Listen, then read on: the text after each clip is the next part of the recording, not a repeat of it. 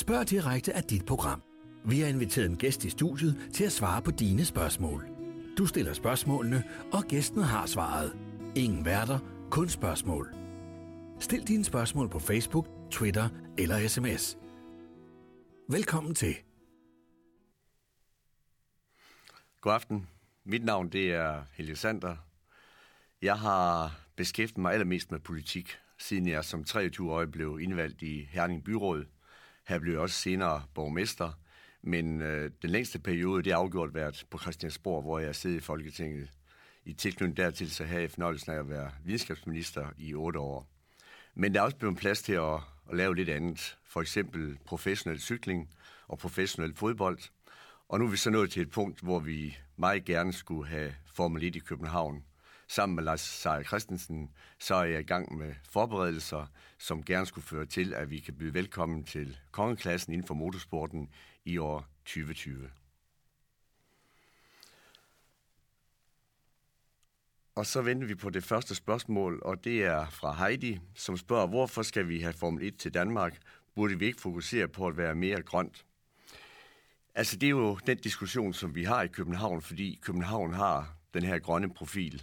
Men øh, jeg vil påstå, at øh, noget af det, der er med til at skabe en grønnere by, en grønnere Danmark, ja, en grønnere verden, det er netop Formel 1, fordi man i Formel 1-garagerne, der udvikler man den nye teknologi, som gør, at vores gadebiler, de i dag jo er langt, langt mere miljøvenlige, end de var for bare ganske få år siden.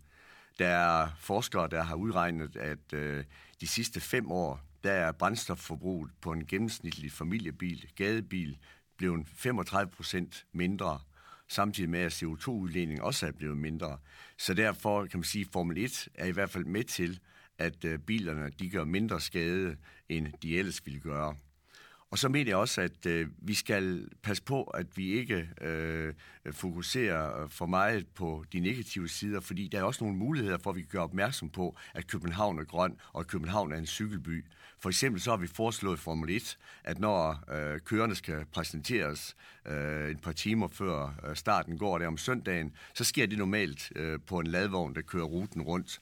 Øh, det vi foreslået, det er i stedet for at blive på en Christiania-cykel, hvor vi ser så Hamilton og Fettel og Magnussen øh, på den måde. Og der er jeg overbevist om, at øh, det bliver billedet, der går verden rundt, og så er København for alvor kendt som cykelbyen.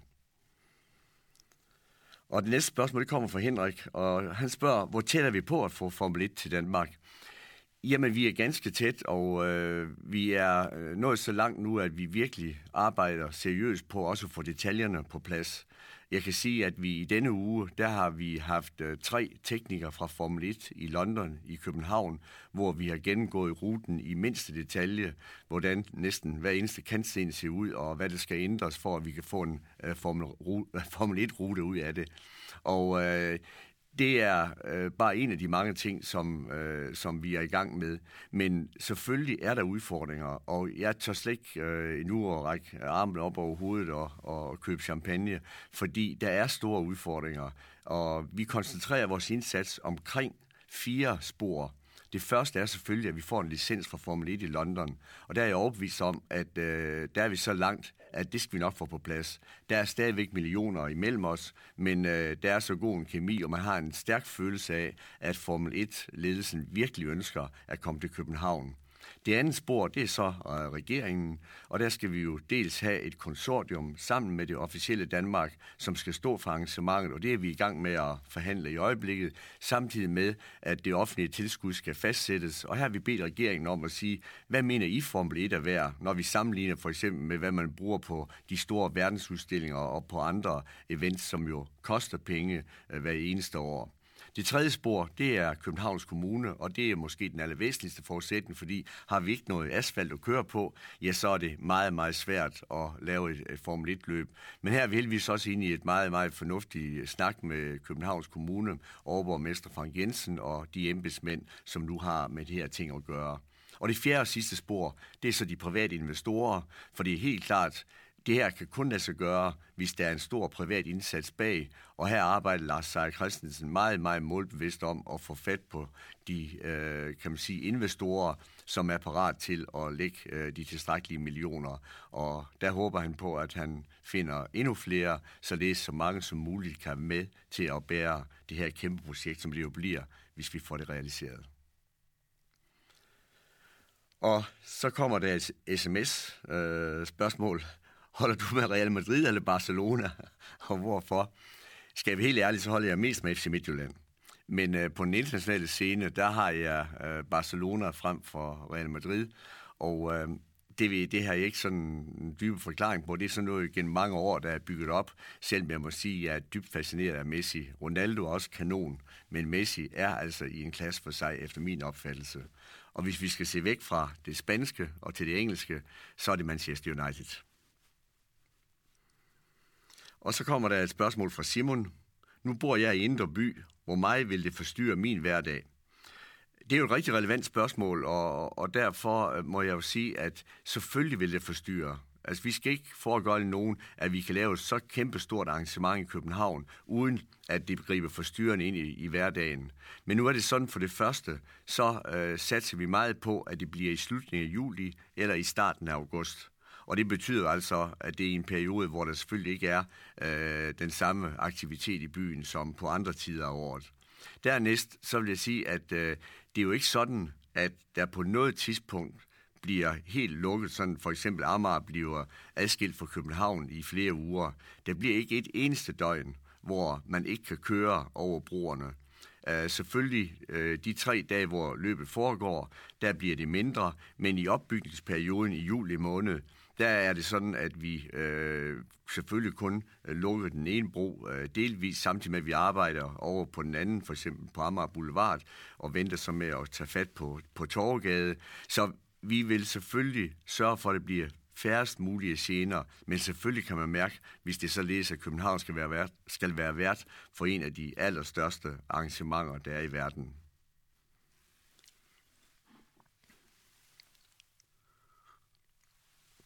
Så spørger Mads, ah, undskyld, har København nogle konkurrenter i forhold til at få lov til at lave ekstra løb i Europa? Ja, det har vi. Men det er så heldigt, at der er kommet nye ejere af Formel 1, nemlig øh, en amerikansk øh, koncern, som ønsker, at der skal være endnu flere øh, Formel 1-løb. Det er i øjeblikket sådan, at vi havde sidste år 20 løb, der er så et løb, der er forsvundet, men så er der kommet to nye til. Så læser vi her i 2018-sæsonen, der har vi i alt 21 Formel 1 Grand Prix'er. Øh, Formel 1 satser på, med de nye amerikanske ejere, Liberty Media, at vi kommer op på en 22-25 stykker. Så der er plads til flere løb. Men øh, vi kan også mærke, at der er mange, der byder ind, og øh, jeg er vidne om, at i løbet af ganske få uger, så bliver det officielt meddelt, at Vietnam bliver den næste, der kommer på kalenderen fra 2020. Derudover er man meget langt med forhandlingerne med Miami. I USA har det været en diskussion om, om det skulle være Miami eller New York, og det ser ud til, at det bliver Miami. I Europa, der er det øh, London, Amsterdam og København, og der satser Formel 1-ledelsen på, at det bliver London og København. Så vi er inde i, kan man sige, den planlægning, øh, man laver med nye løb, der står vi øh, øverst på listen, eller i hvert fald i gruppen af de byer, der står øverst på listen. Så hvis vi kan holde, kan man sige, kadencen og kan det hele klart til 2020, så er jeg ikke så nervøs for, at vi ikke øh, kommer med på kalenderen. Men det er klart, at bliver det først 2021, så bliver presset nok større. Men øh, jeg tror på det, også fordi der er ikke tvivl om, at Formel 1-ledelsen, og ikke mindst chefen, øh, øh, som var i København her for et par måneder siden, han er meget, meget optaget af, at København kommer med på 2020-løbslisten. Så spørger Andreas, personligt synes jeg, at det er en fed idé med Formel 1. Hvordan kom I på det?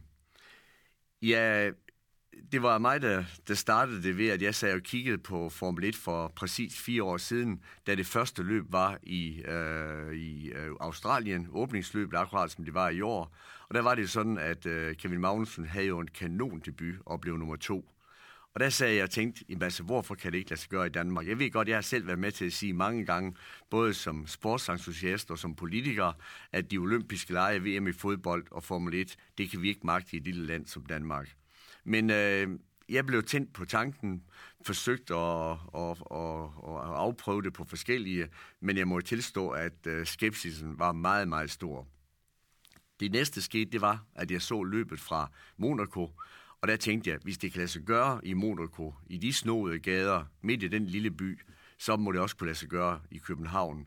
Og så fortsatte jeg arbejdet, og i starten øh, var jeg meget alene, men for halvandet år siden, så kom der for alvor skred i det, da Lars Seier Christensen sagde ja til at være med øh, i de her forberedelser, som nu har ført til, at vi øh, håber på, at vi kan køre øh, sidste weekend i juli eller første weekend i august 2020. Michael spørger om, har I overvejet, om man kunne finansiere en mindre del af Formel 1 København via folkeaktier? Øh, nej, det har vi faktisk ikke, men øh, vi havde et arrangement forleden dag øh, på Bernske Tidene sammen med, med BT, hvor vi øh, blev præsenteret for ideen. Og øh, vi har ikke drøftet det nærmere siden Lars Seier og jeg, men øh, det er klart, vi ønsker i hvert fald, hvis det er det, der skal være signalet, at det bliver et arrangement, hvor det bliver hele København, der er med. Og vi ønsker, at det bliver noget, hvor også de, der ikke er interesseret i motorsport, får en god oplevelse ud af det. Og derfor arbejder vi også på en masse arrangementer sideløbende med. For eksempel så har vi allerede haft kontakt til det kongelige teater, til parken, til Tivoli, til Royal Arena, til Operan, i håb om, at vi kan få en masse sidearrangementer. Og det er også noget, som Formel 1 lægger meget vægt på, fordi man ønsker, i modsætning til tidligere, hvor det kun gik op i penge og, og, og motorsport, så ønsker man nu, at det skal blive nogle store events, hvor det er hele byer, der står bag, og det er hele byer, der syder af aktiviteter, øh, når der er Formel 1 i det, den pågældende by. Og jeg kan sige, for eksempel, så har jeg øh, foreslået øh, National, øh, ikke Nationalbanken, øh, Nationalmuseets øh, nye øh, direktør, Arne Villeslev, om ikke man skulle lave en udstilling på Nationalmuseet, for eksempel fra Solvognen til Formel 1. Der er jo masser af, af, af muligheder, og dem skal vi udnytte, således at alle københavner føler, at det er en god oplevelse, selvom man bliver lidt generet i en periode, forhåbentlig i sommeren 2020. Så er der et spørgsmål fra Lars. Bliver ruten den, der allerede er præsenteret, og hvad kommer en god billet til at koste? Ja, vi er ikke endelig færdige med ruten, men i store træk, så tror jeg, det bliver vanskeligt at lave ruten meget anderledes. Øh, så øh, i princippet ja, med mulighed for justeringer. Med hensyn til billetprisen, øh, så har vi kalkuleret, at en gennemsnitsbilletpris skal koste 3.000 kroner det betyder selvfølgelig, at det bliver noget dyrere på de gode pladser, øh, og mindre på de dårligere og på ståpladserne. Men det er klart, de der høje priser, man hører omkring 50.000, det er jo ikke almindelige billetter. Det er jo de der VIP-billetter, som udbydes i øh, målområdet, hvor for eksempel Formel 1 har Paddock Club, hvor de øh, store VIP-personligheder forretningsfolk, som er inden for motorsporten, kommer. Øh, men det er jo ikke det, der er billetpriserne. Vi håber som sagt på 3.000 i gennemsnit, men vi har ikke lagt os fast på, hvordan og hvorledes øh, billetterne skal øh, kan man sige, sammensættes. Der er ligesom to muligheder, at man sælger billetter isoleret til træningen om fredagen, og til træningen og qualifying om lørdagen, og så endelig til selve løbet om søndagen. Man kan også gøre, som man gør visse steder, nemlig at man sælger en billet, som gælder til hele perioden, og så kan man så være der så meget, som man ønsker, men det er selvfølgelig søndagen, der er særlig interessant, og det er der, vi har fokus på. Det, det siger sig selv. Det næste spørgsmål, det er, kommer også fra Lars. Jeg ved ikke, om det er det samme, men i hvert fald så står der, hvad forventes brandingværdien at være for København?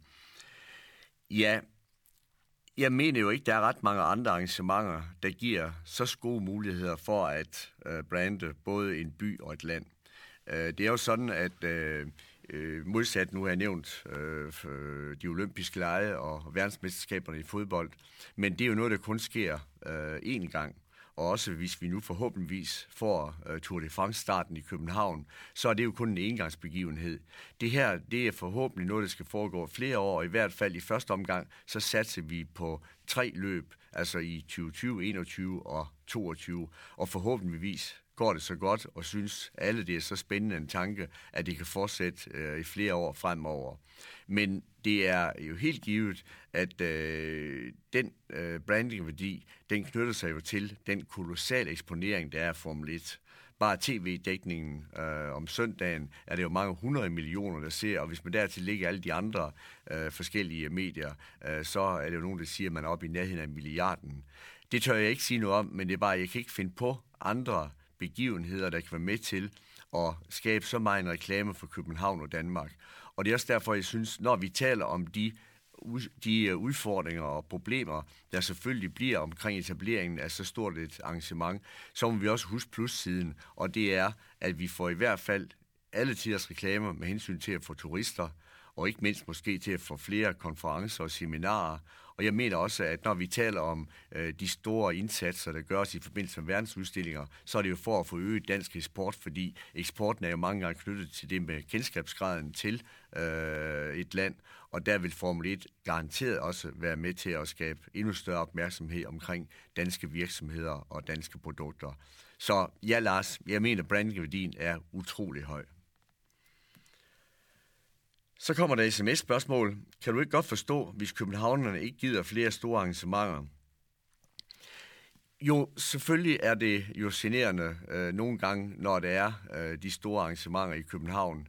Men modsat, så er det også det, der er med til at give os nogle muligheder, blandt andet øget beskæftigelse og øget omtale, der igen er med til at sikre os nogle indtægter, som gør, at vi har det velfærdssamfund, som vi har.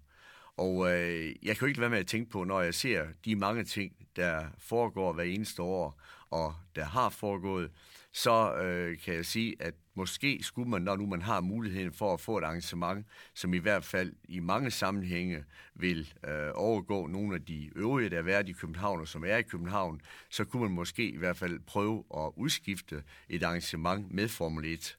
Og jeg kan forsikre, at øh, de øh, kan man sige, problemer og de scener, som er for eksempel med, med lyden, det er altså intet at regne, hvad det er, når der er distortion. Ikke fordi jeg ønsker at genere nogle af de andre arrangementer, men det er bare lyden og miljø-negativiteten øh, præger så tit debatten omkring Formel 1, at jeg kan ikke være med at sige, at det her, det er altså kun øh, to gange halvanden time om fredagen, det er to gange en time om lørdagen, og det er halvanden time om søndagen. Det er alt, hvad der bliver kørt. Og så må jeg jo sige, at øh, sammenlignet med den daglige trafik i København, så er det jo betydeligt mindre, og måske var det her en mulighed for, at man ikke alene kunne få en bilfri søndag, men man skulle måske tage og tænke på, om det var realistisk at lave en bilfri weekend. Mundtagelse selvfølgelig lige af Formel 1-bilerne.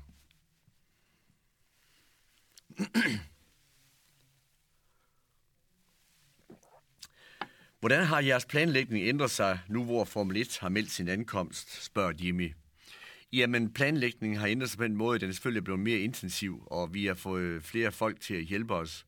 Men øh, det er jo hele tiden en problemstilling, hvor vi øh, bliver nødt til at ja, faktisk høre noget æget hele tiden. Fordi når det ene er på plads, jamen, så er der andre ting, vi kan arbejde med, og sådan bygger vi ovenpå hele tiden. Og der må jeg vende tilbage til, at de fire hovedforudsætninger – for at det kan lade sig gøre, og som vi hele tiden har fokus på, det er en licens for Formel 1. Det er et samarbejde med regeringen. Det er en tilladelse for Københavns Kommune. Og det er, at de private sponsorer også synes, det er en god idé. Så derfor, øh, det er en planlægning, der øh, går lige så stille fremad, og hver eneste dag, så er der nye ting, der falder på plads, og så kan vi den næste dag tage fat på nye ting. Men jeg må jo tilstå, nu sagde jeg i starten, at jeg har prøvet og også at lave andre større arrangementer. Men det her, det overgår langt, langt, langt alt andet, jeg har haft mellem hænderne. Der er rigtig mange detaljer, og selvfølgelig også nogle store overordnede spørgsmål, der skal klares. Men jeg synes, det skrider fornuftigt, og i hvert fald øh, overordnet, så har vi utrolig meget positivt medspil, og det er også nødvendigt, fordi skal det kunne lade sig gøre, så er det altså hele København og hele Danmark, der står bag. Og det er blandt andet kommet til udtryk ved, at Dansk Erhverv, som jo ejer børsen nede ved siden af, af Christiansborg, har stillet børsen til rådighed øh, for os fra mandag til mandag i den uge, hvor Formel 1 foregår. Og der er flere andre, der også øh, ved er parat til at hjælpe os, når vi kommer lidt længere. Og det er nødvendigt, fordi udgifterne er så store, og vort land er ikke større end det er, at vi bliver nødt til at minimere udgifterne. Og det går en del af forberedelserne også ud på. Mads spørger, færdiggør sætningen, Kevin kører for i 2020. ja, øh, man må jo sige, at Kevin Magnussen har haft en kanonstart på den her sæson, og det håber vi selvfølgelig, han, øh, han fortsætter med i relation til selve Formel 1-arrangementet her i København, der føler jeg ikke, det er så afgørende, om han kører for Haas, eller han kører for et af de andre teams. Så rent sportsligt, så synes jeg selvfølgelig, det er spændende at følge, om han kan udvikle sig sådan, han kan komme med på et af de helt store øh, teams. Men øh, for selve Formel 1-løbet øh, i København, der tror jeg ikke, det har den helt store betydning. Men det gengæld må jeg jo erkende, at det er ganske afgørende formentlig, at han er i Formel 1.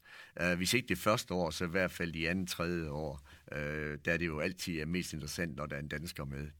I den forbindelse har jeg også lyst til at sige, at uh, når vi er meget fortrystningsfulde og overbevist om, at vi kan sælge uh, omkring 100.000 billetter, så er det jo også fordi, at uh, Skandinavien er måske det område, der har allerflest Formel 1-kører lige i øjeblikket. Svenskerne har en, og finnerne har to fremragende kører, som er i alt fire øh, kører i Formel 1-klassen inden for det skandinaviske område, så er jeg ikke i tvivl om, at vi kommer til at sælge rigtig mange billetter i den her del af Europa. Men selvfølgelig kommer der også mange udefra, og hvis vi kigger på Formel 1-arrangøren rundt omkring, øh, så øh, mange steder der opererer man med, at cirka halvdelen af tilskuerne kommer fra udlandet, og det er også det, vi, vi satser på her i København. Og så kommer Hauge, der siger, hvordan kan du hvordan, hvordan har du det med at få Formel E også forsøge at komme til København? Jamen, øh, øh det er øh, jo, jo noget helt andet. Altså, øh, jeg har stor respekt også for de, der arbejder med, med Formel 1, men øh, det er jo et ganske anden form for øh, motorløb, og øh, kan ikke sammenlignes hverken i øh, arrangementsomfang eller øh, med hastighed med bilerne eller øh, omsætning eller omtale eller opmærksomhed ude i den store verden, øh, der er det øh, en helt, helt anden begivenhed. Og øh, der er jo mange, der så diskuterer, kan vi have begge dele? Ja, det kan vi jo sådan set godt, og vi har også talt med øh, Formel E, øh, arrangørerne, om vi kunne lave noget samarbejde, men det er så forskelligt, at det øh, tyder det på, at det bliver meget, meget svært. Og så er det således, at de to ejere er henholdsvis Formel 1 og Formel E, øh, de mener ikke, det er nogen god idé, så derfor det samarbejde eventuelt bliver, hvis begge arrangementer kommer op at stå, øh, det bliver nok meget sådan på det praktiske plan, måske med udlån af, af, af nogle øh, afspærringer og sådan noget, og, og, og lignende ting. Men øh, det er bare vigtigt at fastslå, at øh, Formel E er noget helt, helt andet, og har intet at gøre med, med øh, Formel 1, når vi ser det i den store sammenhæng, som vi ønsker at præsentere Formel 1 på. Så spørger Anne Maria, jeg er en kæmpe fan af F1, og ideen om, at det skal være i København, øh, hvad er dit yndlingshold at køre? Ja, altså, øh, jeg synes, der er to elementer, når man ser Formel 1. Og det er, at det er selvfølgelig spændende at se øh, i toppen, når øh, Hamilton og Vettel og, og Raikkonen og de der, de kæmper om, om førstepladsen. Men øh, jeg er jo så meget dansker, at øh, jeg synes jo, det er mindst lige så spændende at følge øh, Kevin Magnussen og i øjeblikket den midtergruppe, hvor han kæmper. Og med den start, som han har fået i år, Øh, så er det jo blevet endnu mere spændende, fordi det er klart, jo tættere Kevin kommer på topkørende, ja, jo sjovere bliver det, jo mere spændende bliver det. Og når jeg sidder og ser øh, Formel 1-løbende, og også skal gøre det nu her i weekenden fra Shanghai, jamen, så må jeg jo tilstå, så er det jo Kevin, jeg har hovedfokus på. Især fordi jeg øh, tænker frem mod 2020, hvor jeg ved, det er ganske afgørende, at han også, øh, også kommer til at spille en central rolle. Så derfor, øh, mit yndlingshold i øjeblikket, det er nok Haas og Kevin Magnussen. Det må jeg tilstå. Så er der sms. Hvor mange millioner regner Lars Seier og dig at tjene på et Formel 1-løb i København? Nu er sandheden jo den, at øh, det er de færreste Formel 1-løb, der giver overskud, hvis der er nogen. Men der er jo så stor en omsætning, at jeg tør roligt sige, at der er i hvert fald én stensikker vinder, og det er statskassen. Bare tænk på moms på billetter, på den omsætning, der er, de skatteindtægter, der kommer, og de sideaktiviteter, som også giver indtægter til øh, de virksomheder og forskellige øh, arrangementer, der bliver i den uge, hvor vi har Formel 1. Så det offentlige, statskassen og Københavns Kommune, tror jeg, de, der er de mest sikre vindere. Men det er klart, Lars Seier, han er forretningsmanden, der forsøger at lave nogle modeller sammen med de investorer, han er i kontakt med, således at man håber, at der kan blive et overskud. Men jeg vil gerne citere, citere Lars, som øh, siger, at hvis det jo således, at han skulle være fornuftig, så skulle han i stedet for købe en billet og tage ud i Europa eller i verden og se Formel 1. Det ville nok være billigere end at selv stå for det. Men øh, vi synes, det er en kæmpe chance, og vi er efterhånden blevet så optaget af tanken om, at Danmark skal være vært for et sådan fantastisk arrangement, at øh, det er ikke så meget økonomien, der er i fokus, det er mere at få tingene til at lykkes, og der må jeg jo sige, at når vi er så optimistiske i dag, så er det fordi, at der er jo rigtig mange, der arbejder med. Der er rigtig mange, der bakker op, og derfor håber vi, det bliver en realitet. Men øh, millionærer, ja, Lars har jo sit på det tørre, men jeg tror aldrig, jeg bliver det. Toge spørger, det er noget med, at der ikke findes pit girls mere. Er det noget, som I vil prøve at få tilbage? Ja, det er jo en af de nye ting, som øh, den nye ejer af Formel 1, at de har ændret på nogle af de traditioner, der vel har været helt siden, da Grand Prix'erne startede i 1950. Øh, og i den sammenhæng er det også øh, for øvrigt, at øh, vi har talt med øh, Formel 1-organisationen om, at øh, man skulle gøre løbende mere grønne, og det er man faktisk oprigtigt optaget af de møder, vi har haft, og ikke mindst da øh, formanden Chase Carey var i, i København, der brugte vi meget tid øh, på at tale om, om øh, de grønne image, og hvordan vi kunne få øh, det til at, at spille endnu stærkere ind øh, i forbindelse med Formel 1-løb. Og øh, jeg kan fortælle, at Chase Carey, han er, vil i hvert fald aldrig glemme, at København er en cykelby. For da han kom fra lufthavnen og stod ud af taxaen, så glemte han lige, at øh, her i København har vi altså en cykelstien, man står på fortovskanten. Så jeg måtte simpelthen rive ham op på fortovet, for han ikke blev kørt ned af nogle cykler, da han skulle ind på hotellet.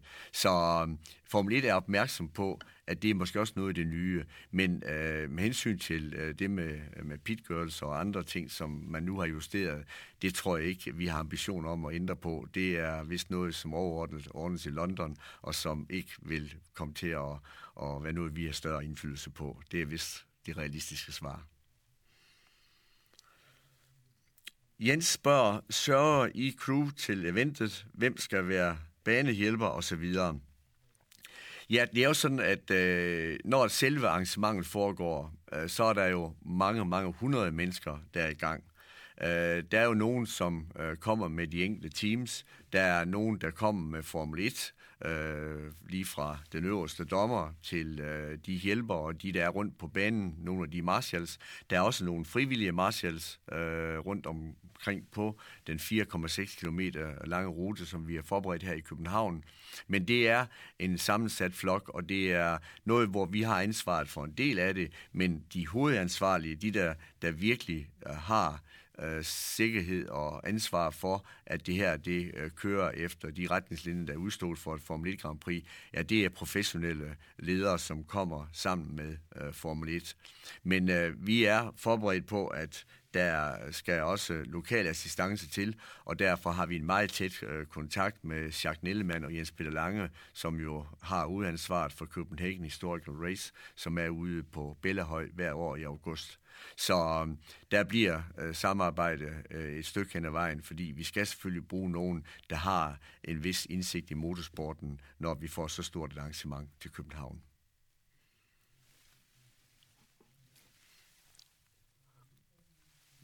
Anna Maria spørger, får beboerne med udsigt til banen udleveret billetter, de kan sælge, ligesom i Monaco? Øh, Nej, men det gengæld får de lov til at kunne se fra de lejligheder, hvor de bor, som måske er de allerbedste pladser. Men øh, jeg har jo hørt fra Monaco, og jeg ved, det er måske det, der inspirerer til spørgsmål, for jeg tror ikke, man decideret øh, sælger nogen af organisationen eller organis- af Formel 1-billetter, men man kan udleje sit, øh, sin lejlighed, øh, hvis man bor på ruten. Og der er der jo nogen i Monaco, har jeg fået fortalt, som simpelthen får en pris for at udleje en uge, der kan betale mellem et halvt og et helt års husleje. Øh, så der er øh, nogen efterhånden, der har ganske gode kontakter til de, der kommer til Monaco hvert år. Nu er vi jo nybegyndere, så det bliver nok meget Airbnb, der bliver øh, det mange vil benytte sig af i starten. Men det er klart, der er ikke tvivl om, at de, der vil sikre sig en ekstra indtægt i forbindelse med Formel 1, øh, de vil sikkert lege deres lejlighed ud og så holde sommerferie i den uge, hvis ikke de lige er Formel 1-fans. Der skal jeg få sige, at ruten er jo tilrettelagt på en sådan måde, at der er ikke ret mange, der har øh, de øh, lejligheder, øh, som er ud til ruten. I virkeligheden så er det jo næsten kun det stykke over Christianshavn, for ellers så er det jo ned forbi ministerielle bygninger, havnefronten, ministerierne, op forbi polititorvet osv., og der er øh, enkelte ejendomskomplekser, det er altså ude mellem øh, Serum Instituttet, den svenske kirke og hen til Christmas Møllers plads, men det er jo forholdsvis, når man tænker på, at det er en rute på 4,6 km, at det er forholdsvis få lejligheder, som vender direkte ud til ruten. Men de, der er der, de har altså muligheden for at tjene en skilling. Så er det et sms-spørgsmål. Vil det ikke være bedre at støtte Formel E for at støtte op om den grønne omstilling? Øh, jo, men som jeg har nævnt øh, til et tidligere spørgsmål, øh, så tror jeg, for at man når frem til de rigtig gode, øh, miljørigtige biler, så er det altså det arbejde, der gøres i Formel 1-garagerne, som sikrer, at øh, vi får gadebiler, familiebiler, kald det hvad I vil, som er mere miljøvenlige, har mindre brændstofforbrug og har mindre CO2-udledning. Og øh, derfor vil jeg fastholde, at øh, Formel 1 bidrager i høj grad til, at vi ikke bare har en grønnere by, eller en grønnere, et grønnere land, eller en grønnere verden. De er simpelthen på alle måder med til at udvikle bilerne i en positiv retning, og det må vi ikke glemme, når vi ser lige specifikt øh, på det her spørgsmål. Lars, bliver det muligt at få nogle realistiske steder på banen, hvor der kan overhales? Ja, det øh, gør det helt givet. Øh, der er nogen, der siger, at det er øh, en usædvanlig god bybane, og det er jo også det, som Herman Tilke, som jo er banekonstruktøren, der var her allerførst for lige godt et år siden, han var med det samme meget optaget af den rute, som vi havde lavet. Den blev så senere justeret lidt med assistance fra, fra Jan Magnussen. Men han mente, at den havde lidt af det hele, nemlig de lange stræk, hvor vi kommer op på en hastighed måske på 400 30, 40, 50 km. Det er ned i Amager Boulevard. Og så har vi øh, de snodede øh, strækninger, som er inde i byen langs havnefronten. Øh, selvfølgelig bliver der et spændende, øh, skabt øh, hjørne omkring børsen. Det er jo således, man kommer ned fra Knibelsbro, ned mod Christiansborg, og så skal man svinge skabt til venstre ned af Slottsholmsgade, og øh, der bliver der selvfølgelig øh, sikkert nogle øh, spændende øh, episoder. Og så vil der sikkert også blive nogle gode overhandlingsmuligheder, når vi kommer hen under Langebro og det område omkring øh, polititorvet og øh, øh, og øh, Glyptoteket. Så jeg er ikke motorsportskyndig, så jeg tør ikke at, at komme med en stor udlægning, men det jeg hører, der bliver sagt af de, der har forstand på Formel 1, så siger de, at det er en bane, der har utrolig mange muligheder i sig, og det er jo kun godt, hvis vi nu ser ud fra et sportsligt synspunkt. Per han siger, eller spørger, borgerforslag til Folketinget, er det spild af politikernes tid? Så er vi over en lidt anden boldgade, og det er jo rigtigt, det her med borgerforslag, det er jo noget nyt, der er kommet. Og øh, jeg har aldrig oplevet det fra min tid i Folketinget. Og på den ene side, så lyder det jo rigtigt, men jeg må tilstå, at øh, jeg tror ikke, det vil komme til at føre til ret meget. Fordi vi har politikere i det her land, som er i så tæt kontakt med borgerne, og der er så rige muligheder for at gøre sin indflydelse gældende i forskellige sammenhænge. Ikke bare via politiske partier, men også forskellige interesseorganisationer. Så jeg, jeg tror ikke, at der vil komme ret meget nyt for dagen ved de her borgerforslag. Og som vi har set med de første, dels det første har været behandlet, og de der diskuteres i øjeblikket, hvor man er ved at have tilstrækkeligt mange underskrifter, ja, der er det jo spørgsmål, som er afklaret, og jeg kan ikke forestille mig, at Folketinget vil ændre signaler, fordi der kommer et forslag, øh, der kommer fra en borgergruppe, hvis det i forvejen er behandlet og har øh, enten fået flertal eller når de bliver genfremsat, så er det selvfølgelig, fordi der ikke har været flertal, men hvor de er faldet. Jeg tror ikke, at de vil nyde fremme, fordi de kommer som et borgerforslag. Så jeg tror, det er lidt for opreklameret, selvom det lyder utrolig godt i et demokrati og et, øh, et land med folkestyre. Men øh, jeg er nu tilhænger af og tror stadigvæk, at det system, vi har bygget op med 179 aktive folketingsmedlemmer, det sikrer, at demokratiet det lever rigtig godt i Danmark.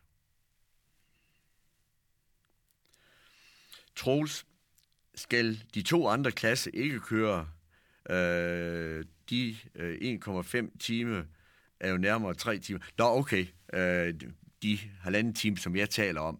Øh, det er rigtigt. Der er også andre øh, klasser, der som regel kører, men øh, der er det sådan, at øh, det er ikke afklaret endnu, og vi har i København har vi øh, foreslået Formel 1, at vi i stedet for en af disse klasser, som øh, Troels henviser til her, at der vi i stedet for kører et cykelløb, nu er det således, at uh, Lars Seier Christensen, han har jo nære relationer til cykelsporten, og uh, han har foreslået, at vi i stedet for laver et cykelløb, uh, og det er Formel 1-folkene også optaget af. Det er ikke vedtaget endnu, og i det hele taget er selve indholdet af programmet, hverken det, der foregår ude omkring i byen, eller det, der foregår på, på selve banen, det er ikke øh, afklaret nu. Heller ikke, hvor mange løb der bliver ved siden af selve Formel 1-løbet.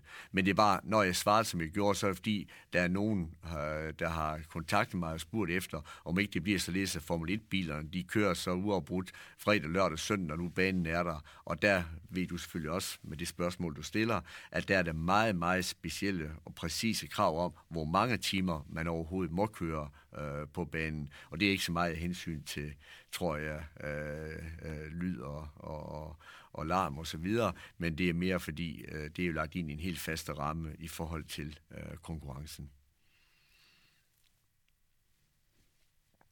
Lars, hvilke andre løb forventes at blive afviklet i samme weekend på banen? Ja, det er lidt det samme spørgsmål. Det er ikke øh, aftalt endnu, og som sagt, øh, vi øh, vil prøve at gøre det lidt anderledes. Uh, jeg kan sige, at øh, løbeklubben Sparta har henvendt sig til os. De vil også meget gerne, om man kunne lave et rigtigt Københavner folkeløb på Formel 1-ruten på et eller andet tidspunkt. Og øh, det har vi nævnt over for øh, nogle af politikerne, om man også synes, det var en god idé. Og øh, det kunne jeg godt forestille mig, at det blev en realitet. Måske todelt, således at man får et øh, folkeløb med rigtig mange motionister, men også fik et øh, løb, øh, et rigtigt Formel 1 øh, løb øh, på øh, ja, Formel 1 løb, ikke med biler, men med, med atletikudøvere på den 4,6 km lange strækning. Det arbejder vi i hvert fald på, så svar på spørgsmålet er, det er ikke aftalt endnu på nogen måder. Så er der sms-spørgsmål. Hvornår bliver det afgjort, om vi får løbet til Danmark? Ja, vi vil meget gerne have en afgørelse i løbet af sommeren. Øh, ikke fordi Formel 1 presser så voldsomt hårdt på. Øh, de føler, tror jeg, at øh, arrangementsforberedelserne er inde i en, inde i en, en god gænge, og, og derfor øh, bliver vi ikke presset på tid. Men en af de ting, som er helt afgørende for, at vi kan øh, være klar i 2020, det er for eksempel, at vi har tilstrækkeligt mange tribuner Øh, det har ikke været muligt at finde tribuner i Danmark. Vi har spurgt de 20 største øh, tribuneudlejere, og øh, der har vi ikke engang kunne få samlet 20.000 sæder. Så vi har måttet til udlandet, og vi har kontaktet tre tyske udbydere, og der har vi kontakt til en af dem, som har givet os et tilbud på omkring 100.000 sæder, og hvor vi så skal give besked inden udgangen af august, altså inden udgangen af august i år. Og det er selvfølgelig noget af det, der presser os allermest. Og årsagen til, at man gerne vil have svar, eller man skal have svar, det er fordi, at denne tribuneudlejer har i 2020, i samme tidsrum, som vi skal bruge dem, der har han forespørgsel fra Hannover på et sportsarrangement, og en forespørgsel fra, øhm, øh, fra Hamburg på et øh, koncert, hvor der skal bruges henholdsvis 15 og 10.000 sæder. Og det er klart, at vi er nede på 75, så er det simpelthen ikke tilstrækkeligt. Så vi er nødt til at, at finde en eller anden løsning, måske en forløb i aftale, det vil jeg ikke, man kan lade sig gøre, men øh, vi er presset allermest på det med tribunerne. Så har vi et spørgsmål fra Mads. Hvor mange dage eller uger op til og efter løbet skal I bruge? Og det Mads tænker på her, det er selvfølgelig, hvor lang tid vi skal bruge til opbygning af banen og tribuner osv.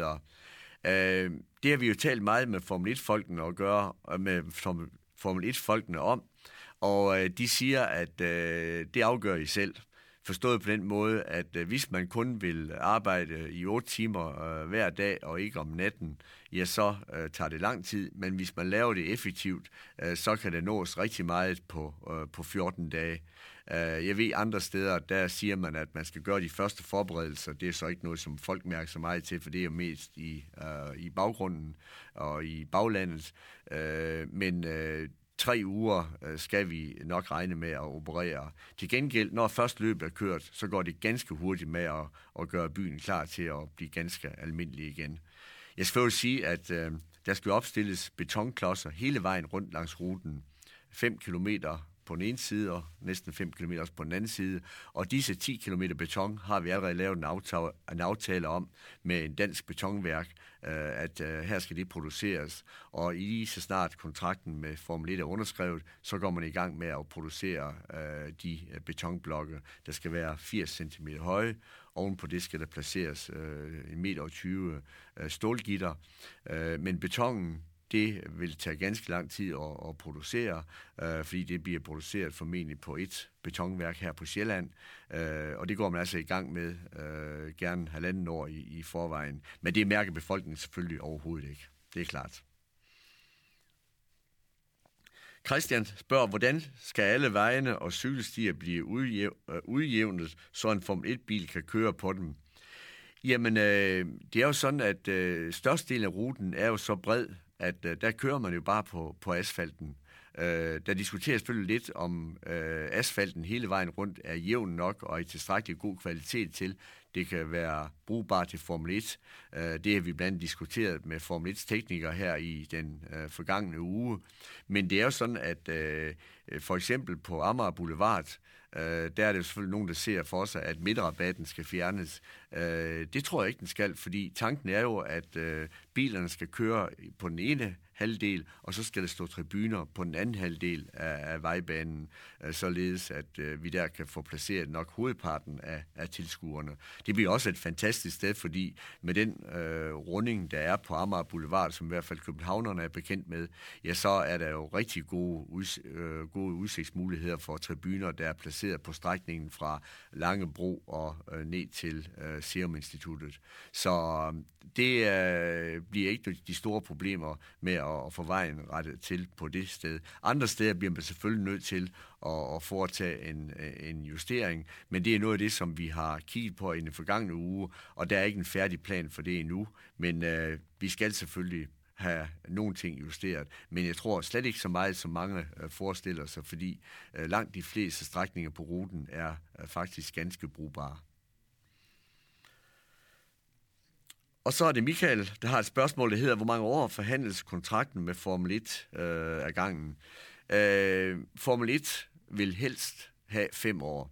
Og det er også det øh, forslag, de er lagt på bordet øh, her i København. Men øh, vi har sagt, at øh, det er helt nyt, og der er så mange ting, der skal afprøves, og som vi ikke kan have sikkerhed for, inden selve løbet kører.